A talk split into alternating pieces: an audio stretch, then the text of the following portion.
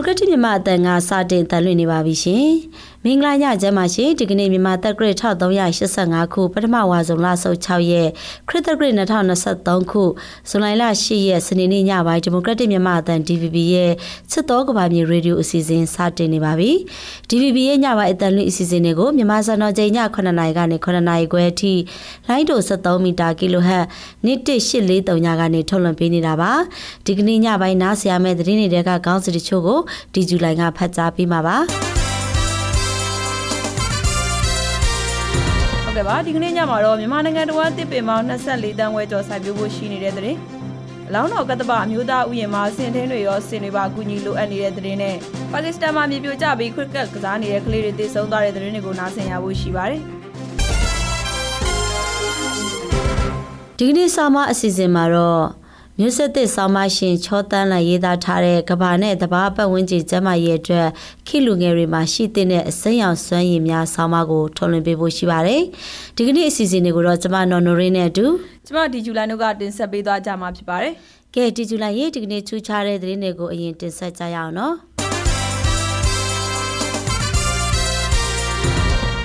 ဟုတ်ကဲ့ပါရှင်။ လာမယ့်2030ပြည့်နှစ်မှာမြန်မာနိုင်ငံဧရိယာရဲ့30ရာခိုင်နှုန်းကိုတစ်တော်တွေကျိုးဝဲနေတဲ့ဖွဲ့စည်းဖို့နဲ့10ရာခိုင်နှုန်းကိုသဘာဝထိန်းသိမ်းရေးနယ်မြေတွေဖြစ်ဖွဲ့စည်းနိုင်ရေးပြည့်မီအောင်အလေးထားဆောင်ရွက်ကြဖို့စစ်ကောင်စီဒုကောင်ဆောင်ဒုဗိုလ်မှူးကြီးစိုးဝင်းကပြောကြားလိုက်ပါတယ်။ဇူလိုင်လ9ရက်နေ့ကနေပြီးတော့မှကျင်းပတဲ့တစ်ပင်ဆိုင်ပွဲမှာပြောဆိုခဲ့တာဖြစ်ပြီးတစ်တော်တယံစာတာတွေရေရှည်တည်တတ်စေဖို့တနိုင်ငံလုံးတစ်တော်ဖုံးလွှမ်းမှုကောင်းမွန်စေဖို့ဂေယစနစ်ထိန်းသိမ်းမှုနဲ့တစ်တော်ထိန်းသိမ်းရေးလုပ်ငန်းတွေမှာပြည်သူတွေပူးပေါင်းပါဝင်ဖို့လည်းတိုက်တွန်းပါတယ်။ တစ်တော်ဌာနအနေနဲ့မြန်မာနိုင်ငံမှာတစ်တော်တွေပြန်လည်တည်ထောင်ရေးစီမံကိန်းကို2019 2018ခုနှစ်မှာ2026 2029ထိစနစ်တာကာလစီမံကိန်းရေးဆွဲအကောင့်ထဲပေါ်ဆောင်နေတာဖြစ်ပြီးအခုနှစ်မိုးရာသီမှာနိုင်ငံပိုင်တစ်တော်စိုက်ခင်းတွေပါဝင်နိုင်ငံတော်တစ်ပင်ပေါင်း24တန်းခွဲကျော်စိုက်ပျိုးဖို့ရည်မှန်းထားတာဖြစ်ပါတယ်။တစ်တော်တစ်ပင်တွေဟာရာသီဥတုကိုမျှတကောင်းမွန်စေပြီးဇီဝမျိုးစုံမျိုးပွဲတွေတိုးပွားစေသလိုရေမြေတောတောင်သဘာဝကိုထိမ့်သိမ်းကာကွယ်ပေးပြီးသဘာဝဘေးအန္တရာယ်ကနေအကာအကွယ်ပေးနိုင်တာဖြစ်ပါတယ်။ ဒါပေမဲ့မြန်မာနိုင်ငံမှာစစ်အစိုးရလက်ထက်တစ်ပင်တွေကိုစစ်ကောင်းဆောင်နေတဲ့ခရိုနီတွေပေါင်းပြီးကိုကျိုးစီးပွားအတွက်အလွန်ကျွံခုတ်ခဲ့လို့မြန်မာတစ်တော်တရန်စာတာတွေဆုံးရှုံးခဲ့ကြတာဖြစ်ပါတယ်။ကုလသမဂ္ဂအစည်းအဝေးစာအရမြန်မာနိုင်ငံမှာ2000ပြည့်နှစ်ကနိုင်ငံဧရိယာရဲ့ထက်ဝက်ကျော်ဖြစ်တဲ့51.54ရာခိုင်နှုန်းတစ်တော်တွေဖုံးလွှမ်းနေပြီး2010ပြည့်နှစ်မှာတော့နိုင်ငံဧရိယာရဲ့46.96ရာခိုင်နှုန်းနဲ့2020ပြည့်နှစ်မှာတော့နိုင်ငံဧရိယာရဲ့42.19ရာခိုင်နှုန်းပဲကျန်ရှိတော့တာပါ။ တစ်တော်တွေပြုတ်တိလာတာနဲ့မျှရာသီဥတုဆိုးရွားလာတာနဲ့တဘာဝဘေးအန္တရာယ်တွေကြားရောက်လာတာနဲ့ကြုံတွေ့ခဲ့ကြရတာပါပြီးခဲ့တဲ့မေလ14ရက်နေ့ကရခိုင်ပြည်နယ်ကိုအင်အားလွန်ပြင်းတဲ့မိုခါဆိုင်ကလုန်းမုန်တိုင်းဝင်ရောက်တိုက်ခတ်သွားလို့တစ်တော်တစ်ပင်တွေလဲကျပျက်စီးသွားခဲ့လို့တစ်ပင်တွေနဲ့ဒီရေတော်တွေပြန်လဲစိုက်ပျိုးဖို့အရေးတကြီးလိုအပ်နေတာဖြစ်ပါတယ် မြန်မာနိုင်ငံမှာလူသားချင်းစာနာထောက်ထားမှုအကူအညီလိုအပ်သူအရေအတွက်15တန်းကျော်ရှိတယ်ဆိုတာအလွန်ကျူးချဲကားထားတာဖြစ်တယ်လို့စစ်ကောင်စီရဲ့နိုင်ငံသားရေးဌာနကတုံ့ပြန်လိုက်ပါတယ်။အဆိုပါအရေအတွက်မှာနေရစွန့်ခွာရသူတွေနဲ့ထိခိုက်သူတွေမဟုတ်တဲ့ဖွံ့ဖြိုးရေးအကူအညီလိုအပ်နေတဲ့စီးရဲနွမ်းပါတဲ့မြို့ပြည်ရက်ွက်နေပြည်သူတွေကိုပါရောနှောထက်သွင်းထားတာလို့လည်းပြောပါတယ်။ဇူလိုင်လ6ရက်နေ့ကဂျီနီဗာမြို့မှာကျင်းပတဲ့ကုလသမဂ္ဂလူ့ခွင့်ရေးကောင်စီအစည်းအဝေးမှာကုလသမဂ္ဂလူ့ခွင့်ရေးဆိုင်ရာမဟာမင်းကြီးဘောလ်ကာတော့က မြန်မာနိုင်ငံတဘောလူပေါင်း15တန်း2သိန်းလောက်ဟာစာနာရိတ်ခါနဲ့အစာအာဟာရအရေးတကြီးလိုအပ်နေပြီးနိုင်ငံတကာအကူအညီတွေပေးကြဖို့ပန်ကြားခဲ့တဲ့အပေါ်မှာမြန်မာစစ်ကောင်းဆောင်ဘက်ကပြန်လည်တုံ့ပြန်လိုက်တာဖြစ်ပါတယ်။ကုလသမဂ္ဂအဖွဲ့အစည်းတွေ NGO တွေဟာမြန်မာနိုင်ငံပြည်내နဲ့တိုင်းတွေလုပ်ငန်းတွေလက်ပတ်ဆောင်ရွက်နေတဲ့အတွက်မြန်မာနိုင်ငံနဲ့တွားရောက်ခွင့်ရနေတဲ့ လူသားချင်းစာနာမှုအကူအညီလိုအပ်နေသူတွေထံအကူအညီတွေပေးအပ်ဖို့ခီးသွွားခွင့်ပြုချက်တွေလည်းထုတ်ပေးခဲ့တယ်လို့စစ်ကောင်စီကဆိုပါတယ်။2021ခုကနေလက်ရှိအချိန်ထိတန်ယုံတွေကို62ကြိမ်ကုလသမဂ္ဂအဖွဲ့အစည်းတွေ46ကြိမ်အာဟာစင်တာရဲ့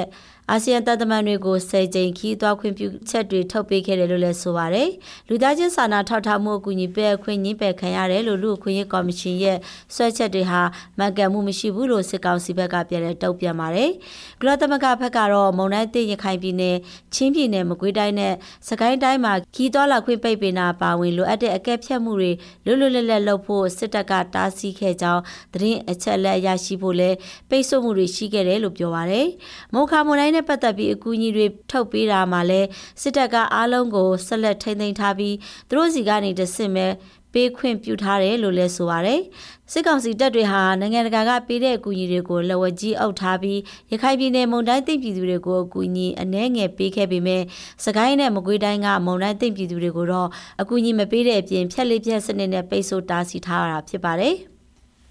မိုခါမွန်တိုင်းမဲကူညီကယ်ဆယ်ရေးကိစ္စနဲ့ပတ်သက်ပြီးမြန်မာနိုင်ငံဆိုင်ရာကုလသမဂ္ဂယာယီဌာနေညှိနှိုင်းရေးမှူးရာမနတန်ဘလာခရစ်နန်နဲ့ကုလသမဂ္ဂလူသားချင်းစာနာမှုဆိုင်ရာညှိနှိုင်းရေးရုံးတွေခြားရဲ့ယာယီအကြီးအကဲ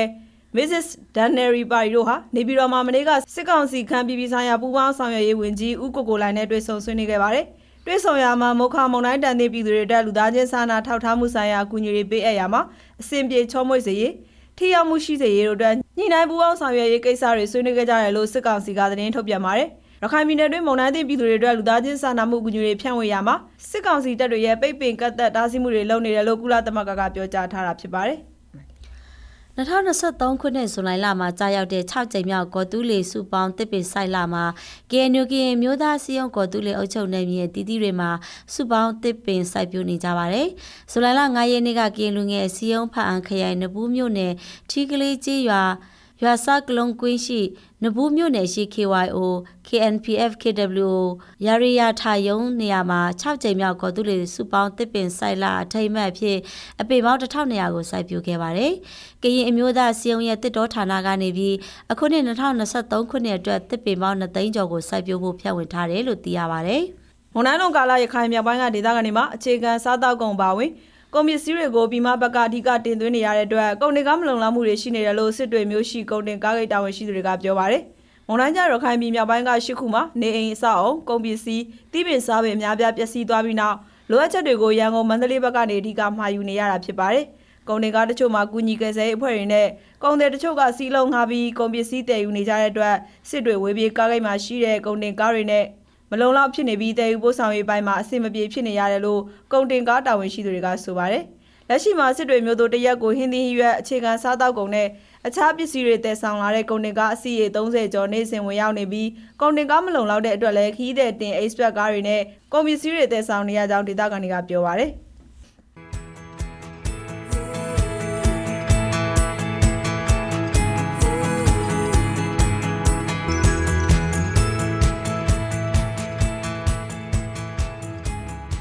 DVB ရဲ့ရေဒီယိုအစီအစဉ်ကိုနားဆင်နေကြရတာပါအခုဆက်လက်ပြီးမိုးလေဝသသတင်းတွေကိုတင်ဆက်ပေးမှာဖြစ်ပါတယ်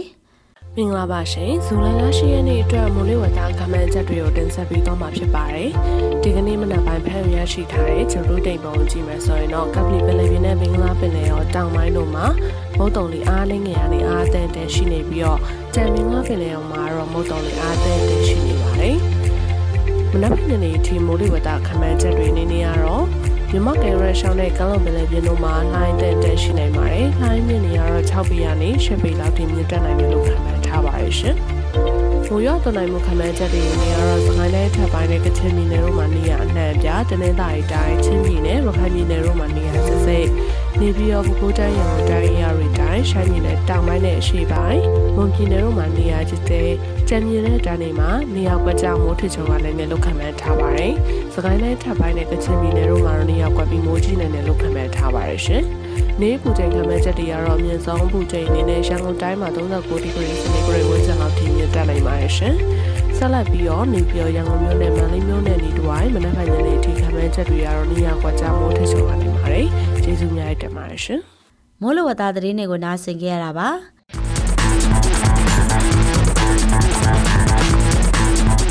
သရရှင်များရှင်ခုဆက်လက်ပြီးသတင်းပေးပို့ချက်ကိုထုတ်လွှင့်ပေးပါမယ်။တောင်တွင်းတောရိုင်းတရိတ်ဆန်ဘေးမဲ့တော်လဲဖြစ်အာဆီယံအမွေနှင့်ဥယျာဉ်စီရင်ဝင်ဥယျာဉ်တစ်ခုလည်းဖြစ်တဲ့အလောင်းတော်ကတ္တပအမျိုးသားဥယျာဉ်မှာ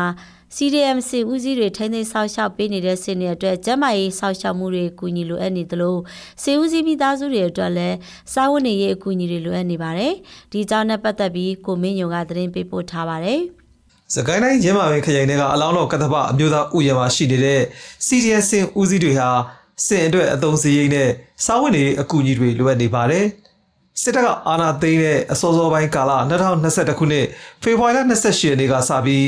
တစ်တော်တည်ရန်စာထားတဲ့တဘာဝပတ်ဝန်းကျင်ထိန်းသိမ်းဝန်ကြီးဌာနလက်အောက်က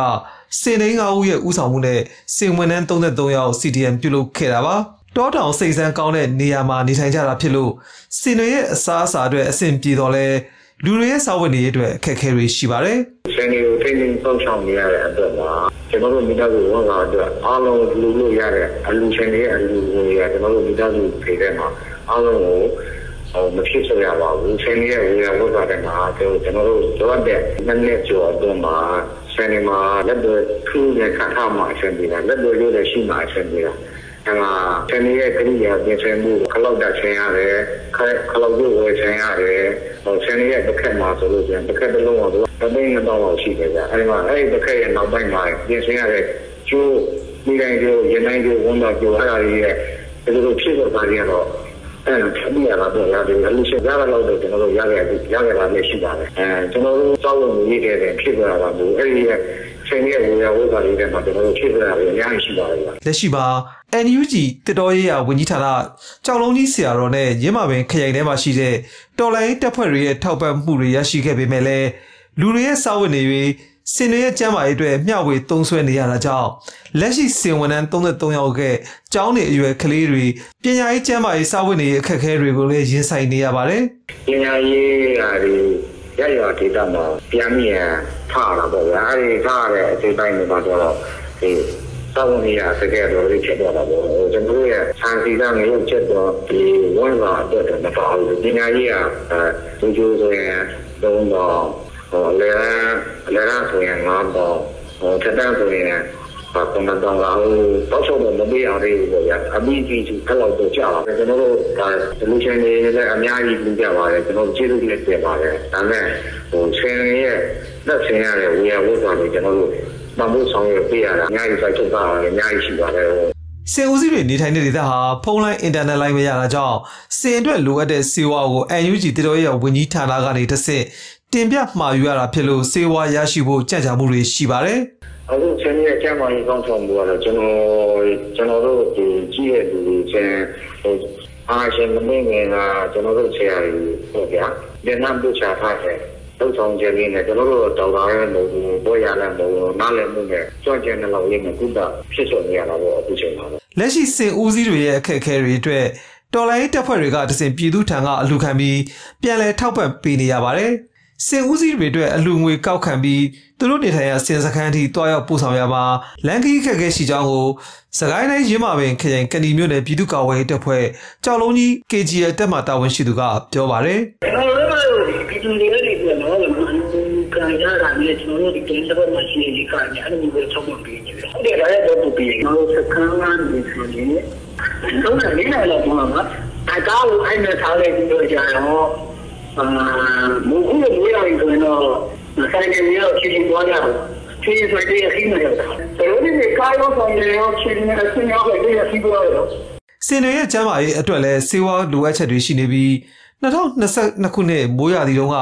စင်၎င်းအစုပ်ထဲပိုးဝင်ပြီးကုသရန်ငွေကြေးမလုံလောက်တာစေဝါဝယ်မရတာကြောင့်တည်ဆုံသွားခဲ့ပါတယ်။စင်တွေနဲ့စင်ဦးစီးတွေဟာတောစင်ရိုင်းတွေအပါအဝင်စင်အကောင်40ကျော်ကိုစောင့်ရှောက်နေရတာဖြစ်ပါတယ်။ ကျွန်တော်မင်းညိုပါခင်ဗျာ။အလောင်းတော်ကတ္တပအမျိုးသားဥယျာဉ်မှာစင်ထိုင်းတွေရောစင်တွေပါအကူအညီလေးလိုအပ်နေတဲ့သတင်းကိုနားဆင်ခဲ့ရတာပါ။တော်ရရှိများရှင်မိုခါမွန်တိုင်းကြောင့်ပြည့်စည်သွားခဲ့တဲ့ရခိုင်စစ်ရှောင်းစခန်းတွေမှာစံတပြေနဲ့စီဆယ်ချက်သားရရှိတယ်လို့စစ်ရှောင်းမိသားစုတွေစီကနေသိရပါတယ်။ဒီသတင်းကိုတော့ဟန်နာကသတင်းပေးပို့ထားပါတယ်။ မေလ14ရက်နေ့ကအာပြင်းမုခမုံတိုင်းတက်ခတ်ခဲ့ပြီးနောက်မှာတော့ရခိုင်ဒေသစစ်ရှောင်းစခန်းတချို့ပစ္စည်းသွားခဲ့ပြီးပြည်내ထူထောင်ရေးအတွက်ကုညီချက်ပတ်မှုတွေမရရှိကြဘူးလို့စစ်ရှောင်းမိသားစုတွေစီကသိရပါဗျ။မုခမုံတိုင်းတိုက်ခတ်ခံခဲ့ရပြီးနောက်ရခိုင်ဒေသစစ်ရှောင်းမိသားစုတွေဟာစံဆယ်ဘူးနဲ့စီဆယ်ချက်သားပဲရရှိခဲ့တယ်လို့ဘူးတီတောင်လမ်းမကျောင်းစစ်ပေးရှောင်းစခန်းကတာဝန်ရှိသူတို့ကပြောပါဗျ။ဟိုခါမုန်တိုင်းတိတ်ပြီးတဲ့အရှင်ကအရှင်မှာကျွန်တော်တို့ကဲထင်းမှာဆိုရင်အင်ရှေ20 ဟိုနေစံမြောက်ဖို့အကုန်လုံးပြိုလဲသွားတယ်ဒီ20အတွက်သူတို့ကထောက်ပံ့ကြေးဟိုဟိုစန်တပီရဲ့စီစေကျဲသားရဲ့ဒါပဲပေးတယ်ကျန်တဲ့အင်တွေကတော့တပိုင်းတစားပြိုလာတဲ့အများကြီးရှိတယ်အဲတပိုင်းတစားပြိုတဲ့လူမှလည်းခက်ခဲရှိတယ်တကယ်တော့အကုန်လုံးပြောတဲ့အင်မှလည်းဒီအာဆန်တပြေနဲ့စီငါးကျဲသားနဲ့ဘာမှအထူးချောင်းမှုတော့မရှိပါဘူး ရှိတဲ့လူကတော့အနေအပေါ်ပဲရှိတာအများကြီးပြက်တဲ့အိန္ဒိယအများကြီးရှိတယ်ဒါပေမဲ့သူတို့ကအဘိပိန်မလဲလို့ထောက်ပံ့ခြင်းမပေးဘူးတတပိုင်းတစားတော့အကုန်လုံးပြိုပါတယ် ဘူဒီတောင်လမ်းမှာဘုံတော်ကြီးကျောင်းစစ်ဆောင်စခန်းမှာအိမ်ထောင်စု134စုရှိပြီးမူခါမုံတိုင်းကျောင်းနေအိမ်လုံးဝပြိုလဲသွားတဲ့နေထိုင်လို့မရတော့တဲ့နေအိမ်20ကိုပဲစန်တပီနဲ့စင်ငါကြက်သားထောက်ပံ့တာဖြစ်တယ်လို့ဆိုပါတယ်မူခါမုံတိုင်းအပြီးရခိုင်ဒေသမှာဇွန်လ9ရက်နေ့ကစပြီးကုညီကယ်ဆယ်ရေးလုပ်ငန်းတွေကိုလုတ်ကင်ခွင့်ပေးလိုက်တယ်လို့ရခိုင်ပြည်နယ်လုံခြုံရေးနဲ့နေဆက်ရေးရာဝန်ကြီးဗိုလ်မှူးကြီးကျော်သူရလက်မှတ်နဲ့နိုင်ငံတကာအဖွဲ့အစည်းတွေအပါအဝင်စစ်တွေရှိအရက်ဘက်အဖွဲ့အစည်းတချို့ကိုအမိန့်ထုတ်ပြန်ပြီးအကြောင်းကြားစာတွေပေးပို့ခဲ့ပါသေးတယ်ပြည်နယ်စစ်ကောင်စီရဲ့ပြောရေးဆိုခွင့်ရှိသူဦးလာသိန်းကရခိုင်ပြည်အတွင်းမုံတိုင်းတင်ပြည်သူတွေအတွက်ကုညီကယ်ဆယ်ရေးလုပ်နေတဲ့အစိုးရမဟုတ်တဲ့ NGO အဖွဲ့အစည်းတွေအနေနဲ့သက်ဆိုင်ရာဒေသအာဏာပိုင်အဖွဲ့တွေစီကိုအတိပေးအကြောင်းကြားပြီးလုပ်ငန်းတွေဆောင်ရွက်နိုင်တယ်လို့ပြောဆိုထားပေမဲ့မြေပြင်ကိုအထောက်အပံ့အကူအညီတွေမရောက်လာသေးဘူးလို့သိရပါတယ်။နေအိမ်တွေအားလုံးကလည်းပျက်စီးဆုံးရှုံးမှုတွေရှိခဲ့ပေမဲ့လည်းထောက်ပံ့မှုတွေမရရှိခဲ့ဘူးလို့ရန်အောင်မြေစစ်ဆောင်စခန်းကတာဝန်ရှိသူတူကပြောပါတယ်။အာလုံးဝပြားကြခါရီလုံးဝနေလေးကြီးဒါတို့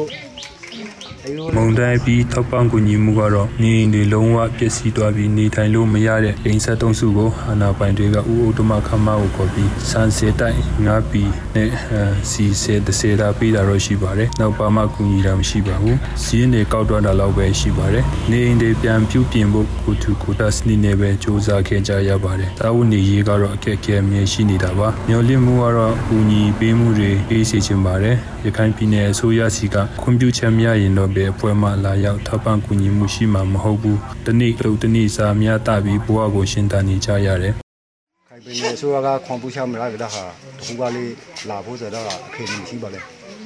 2018ခုနှစ် AA နဲ့စစ်ကောင်စီတပ်တို့ကြားတိုက်ပွဲတွေကြောင့်ဘူးတီတောင်မြို့နယ်ရှိကျွော်ပေါင်း30ခန့်နေရဆွန့်ခါချက်ပြီးတင်းရှောင်ခဲ့ရတာပါစစ်ဘေးရှောင်စုရက်20ကျော်ရှိပြီးဘူးတီတောင်မြို့ပေါ်စစ်ရှောင်စကန်တွေဖြစ်ကြတဲ့လမ်းမကျောင်းဘုံတော်ကြီးကျောင်းစစ်ရှောင်စကန်ရန်အောင်မြေဘုံတော်ကြီးကျောင်းစစ်ရှောင်စကန်နဲ့မြတောင်ကျောင်းစစ်ရှောင်စကန်တွေမှာစစ်ရှောင်ဦးရေ13000ကျော်နေထိုင်လဲရှိပါတယ်စစ်ကောင်စီတပ်တွေနဲ့ရခိုင်တပ်တော် AA တို့ကြားတိုက်ပွဲတွေကြောင့်ရခိုင်ပြည်နယ်အတွင်းစစ်ရှောင်ဦးရေ2သိန်းကျော်အထိရှိနေပြီဖြစ်ပါတယ်ကျွန်မဟန်နာပါ မောခမွန်နိုင်ကြောင့်ပျက်စီးသွားတဲ့ရခိုင်စစ်ရှောင်းစခန်းတွေမှာစံတပြည်နဲ့စီဆယ်ချက်သားပဲရရှိသေးတဲ့အကြောင်းကိုနားဆင်ကြရတာပါ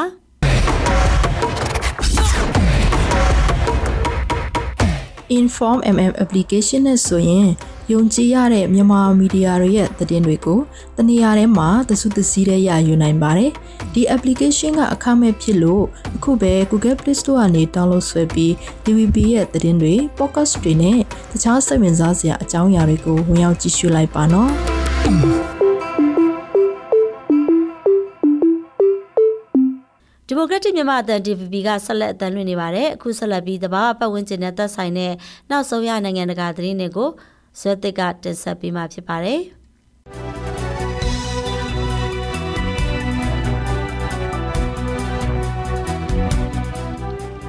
ပါကစ္စတန်နိုင်ငံမြောက်ပိုင်းခိုင်ဘာဘက်ရှ်တွန်ခွာပြည်နယ်တွေကဝေးလံခေါင်တည်တဲ့ရှန်ကလာခရိုင်မှာမုတ်တုံမိုးရွာသွန်းပြီးချိန်မှာဇွန်လ6ရက်ကြာသပတေးနေ့ညနေပိုင်းက ခရစ်ကတ်ကစားနေကြရင်မြေပြိုမှုကြောင့်ကလေး၈ယောက်သေဆုံးခဲ့ကြောင်းတာဝန်ရှိသူတွေကဇွန်လ9ရက်တောက်ကြနေမှာပြောကြားပါရယ် ကလေးတွေအားလုံးဟာအသက်12နှစ်ကနေ15နှစ်ကြာဖြစ်ကြပါတယ်။15ယောက်နီးပါးရှိတဲ့ကလေးငယ်တွေဟာမိုးရွာပြီးချိန်မှာတဲကြောက်တုံးတစ်ခုအနီးခရစ်ကတ်ကွင်းလုံးနေတော့မြေပြိုကျသွားတာမှာမြေကြီးထဲနစ်မြုပ်သွားကုန်တာဖြစ်ကြောင်းခရိုင်အရေးပေါ်တပ်ဖွဲ့မှအရာရှိဆူနာအူလာခန်က Reuters ကိုပြောပါတယ်။ဒေတာရင်းကယ်ဆယ်ရေးအဖွဲ့တွေဟာနောက်ပိုင်းမှာပါကစ္စတန်စစ်တပ်နဲ့ပူးပေါင်းပြီးတော့နိုင်ပေါင်းများစွာစ조사အားထုတ်ပြီးနောက်မှာရုပ်အလောင်းရှစ်လောင်းကိုဆွဲထုတ်ခဲ့ကြောင်းလည်းသူကပြောပါတယ်။ကြံကလင်းငယ်တအူးမှဒဏ်ရာအပြင်းထန်ရရှိခဲ့ပြီးကြံတအူးကတော့ထိခိုက်ဒဏ်ရာမရှိခဲ့ကြောင်းသိရပါတယ်။ ပြင်းပြကပ္ပအပူချိန်ဟာအခုသတင်းပတ်မှာ3ရက်ဆက်တိုက်မကြုံစဖူးမြင့်မားခဲ့ပြီးအင်္ဂါနေ့နဲ့ဗုဒ္ဓဟူးနေ့တွေမှာ18.18ဒီဂရီစင်တီဂရိတ်ထိရှိခဲ့ကြောင်းရာသီဥတုခြေရာခံအေဂျင်စီတွေကဆယ်စုနှစ်ချီစုဆောင်းခွဲချမ်းစိတ်ဖြာထားတဲ့ data တွေအရသိရပါတယ်။ကမ္ဘာမြေဟာတနင်္လာနေ့မှာ18.31ဒီဂရီစင်တီဂရိတ်နဲ့အပူဆုံးနေ့အဖြစ်မှတ်တမ်းဝင်ခဲ့ပြီးဒီအပူချိန်ဟာ1989ခုနှစ်ကနေပြန်တွက်ချက်ကြည့်တဲ့အမေရိကန်ပြည်ထောင်စုရဲ့သဘာဝပတ်ဝန်းကျင်ခန့်မှန်းချက်ဆိုင်ရာအမျိုးသားဗဟိုဌာနရဲ့အချက်လက်မှာအမြင့်ဆုံးဖြစ်ပါတယ်။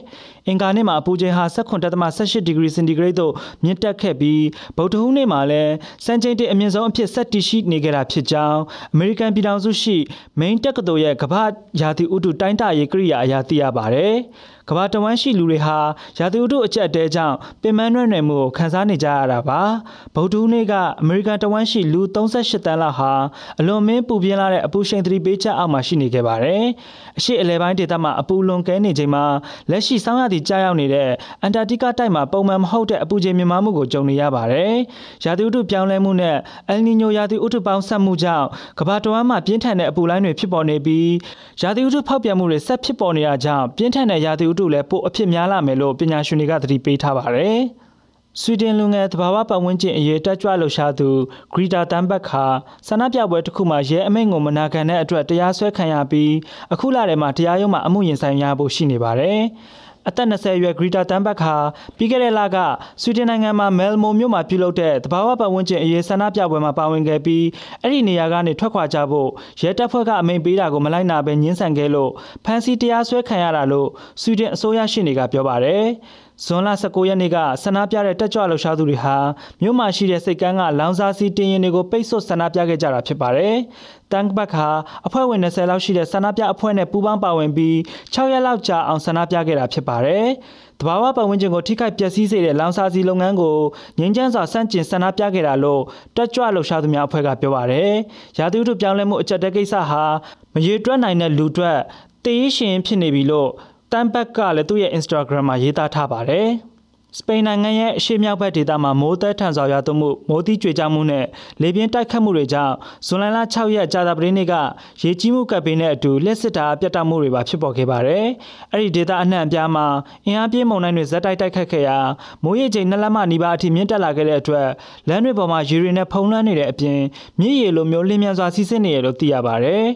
မိုးရွာသွန်းမှုများပြားရာကနေရေစီးတန်တဲ့အထိအခြေအနေဆိုးရွားလာတာကြောင့်မော်တော်ကားတွေပါမျောပါသွားတာကိုတွေ့ရပါတယ်။အချို့လူတွေကလည်းကားခောက်မိုးနဲ့တစ်ပင်ပေါ်တက်က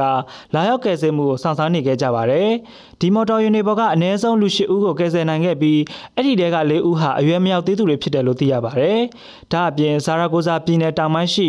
ကွာတီတီဗဘာမြို့ငယ်လေးမှာဆိုရင်နေအိမ်တွေထဲထိရေတွေဝင်ရောက်ခဲ့တယ်လို့လာရာဇွန်သတင်းဌာနကဖော်ပြထားပါတယ်။အခုလိုမျိုးမိုးတဲထန်စွာရသွန်းစေခဲ့တဲ့မုန်တိုင်းဝင်ရောက်မှုတွေရှိနေပေမဲ့လည်းတေဆုံးတန်ရာရတာမျိုးမရှိသေးဘူးလို့ Euro Weekly သတင်းဌာနအရသိရပါတယ်။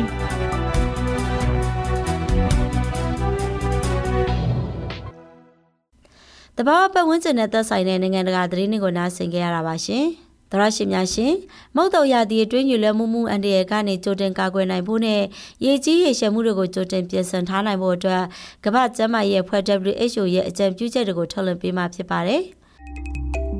မုတ်တုံရာသီမှာရေလွှမ်းမိုးမှုကြောင့်ဘေးလွတ်ရာသို့ရွှေ့ပြောင်းရမှာစခန်းယာယီအဆောက်အဦများတွင်ဖော်ပြပါချက်တွေကိုလိုက်နာဆောင်ရွက်တင်ပါတယ်။တကူရင်သုံးပစ္စည်းများခွက်ပကံဆက်ပြားမျက်နှာတုပ်ပွားစသည်တို့ကိုမျှဝေသုံးစွဲခြင်းကိုရှောင်ကျဉ်ပါ။ ဖျားခြင်း၊ချောင်းဆိုးခြင်း၊လေကြောင်းနာခြင်းသို့မဟုတ်အသက်ရှူမဝခြင်းတို့ဖြစ်ရင်သက်ဆိုင်ရာစခန်းတာဝန်ခံဝန်ထမ်းများကိုချက်ချင်းကြောင်းကြပါလက်တန့်ရှင်းရေးနဲ့အသက်ရှူလမ်းကြောင်းဆိုင်ရာတန့်ရှင်းရေးတို့ကိုအမြဲထိမ့်သိမ်းလိုက်တာပါယူရန်မိုးမှုအန်ဒီရဲ့ကြိုတင်ကာကွယ်အကြံပြုချက်တွေကိုထုတ်လွှင့်ပေးခဲ့တာဖြစ်ပါတယ်ရှင်။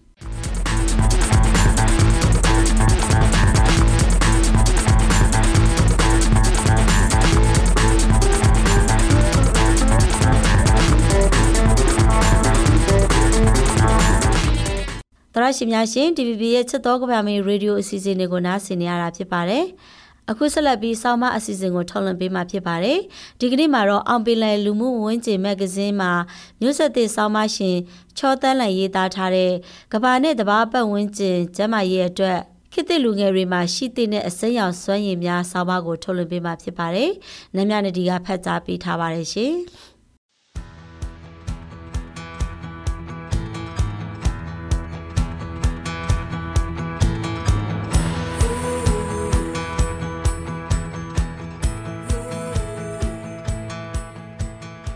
လူငယ်တွေဆိုတာနောက်အနာဂတ်မှာလူကြီးတွေရဲ့တာဝန်တွေကိုပခုံးပြောင်းတာဝန်ထမ်းဆောင်မဲ့သူတွေပဲဖြစ်ပါတယ်။လက်ရှိဖြစ်ပေါ်နေတဲ့ရာသီဥတုပြောင်းလဲခြင်းနဲ့သဘာဝပတ်ဝန်းကျင်ထိခိုက်မှုအရွေ့တွေဟာအင်မတန်မှစိုးရိမ်ဖွယ်ရာကောင်းလာပါတယ်။လူငယ်တွေရဲ့ခင်မီအတွေ့ဖြည့်ရှင်းနည်းတွေကြောင့်သဘာဝပတ်ဝန်းကျင်အတွက်ထိမ့်သိမ်းမှုအပြောင်းလဲတွေကိုလှုပ်ဆောင်နိုင်မယ်လို့လည်းယုံကြည်နေပါတယ်။ဒီလိုပြောင်းလဲမှုတွေလှုပ်ဆောင်ဖို့ရအတွက်ဤပညာစွမ်းရည်တွေအပြင်အောက်ပါအစိမ်းအောင်စွမ်းရည် green skill 10ခုလောက်လိုအပ်ပါတယ်။ တဘာဝပတ်ဝန်းကျင်ကိုဥတည်တဲ့စမ်းစစ်ဝေဖန်နိုင်တဲ့အတွေးစွမ်းရည်ဒါကတော့လက်ရှိနေထိုင်ရလူတွေရဲ့လောကကြီးနဲ့ကဘာကြီးဟာအပြာအလှဆက်တွယ်မိခိုနေတဲ့အတွေးပါကဘာကြီးနဲ့ပတ်ဝန်းကျင်ထိမ့်သိမ့်ဖို့ကိုဥတီတွေးခေါ်ပြီးတာမန်ဖြစ်စေဖို့ဘယ်လိုတွေအပြောင်းလဲလုပ်မလဲဆိုပြီးရည်ရွယ်ပါတယ်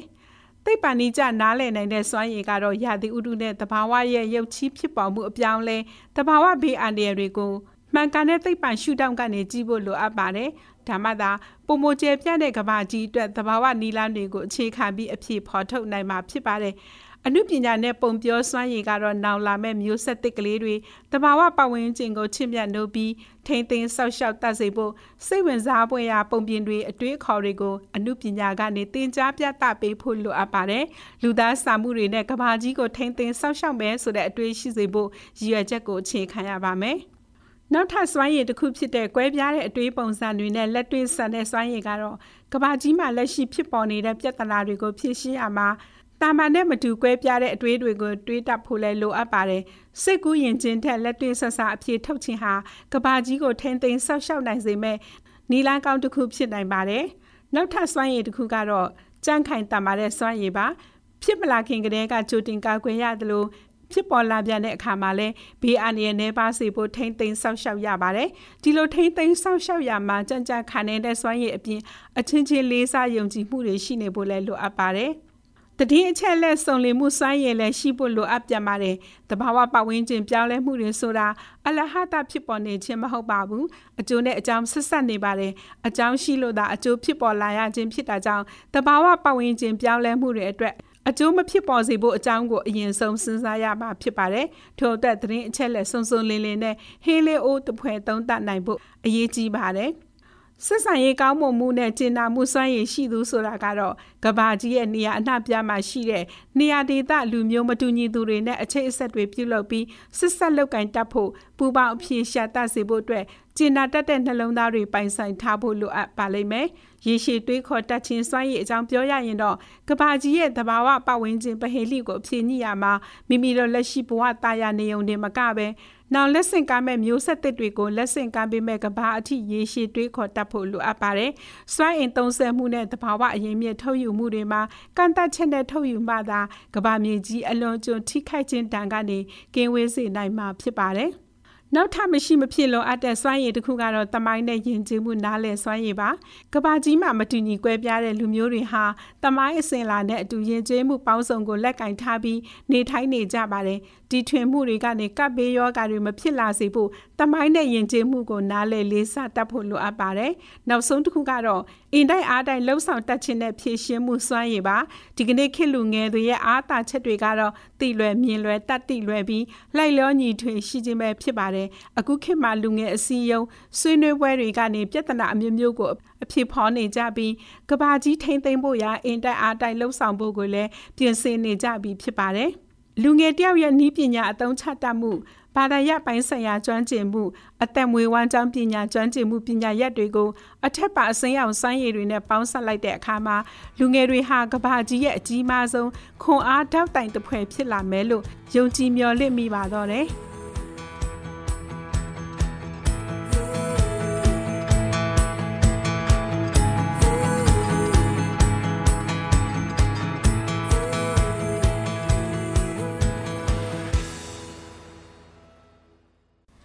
သစ်လူငယ်တွေမှာရှိတဲ့အစိမ်းရောင်စွမ်းရည်များဆောင်းပါးကိုနားဆင်ကြရတာဖြစ်ပါတယ်ရှင်။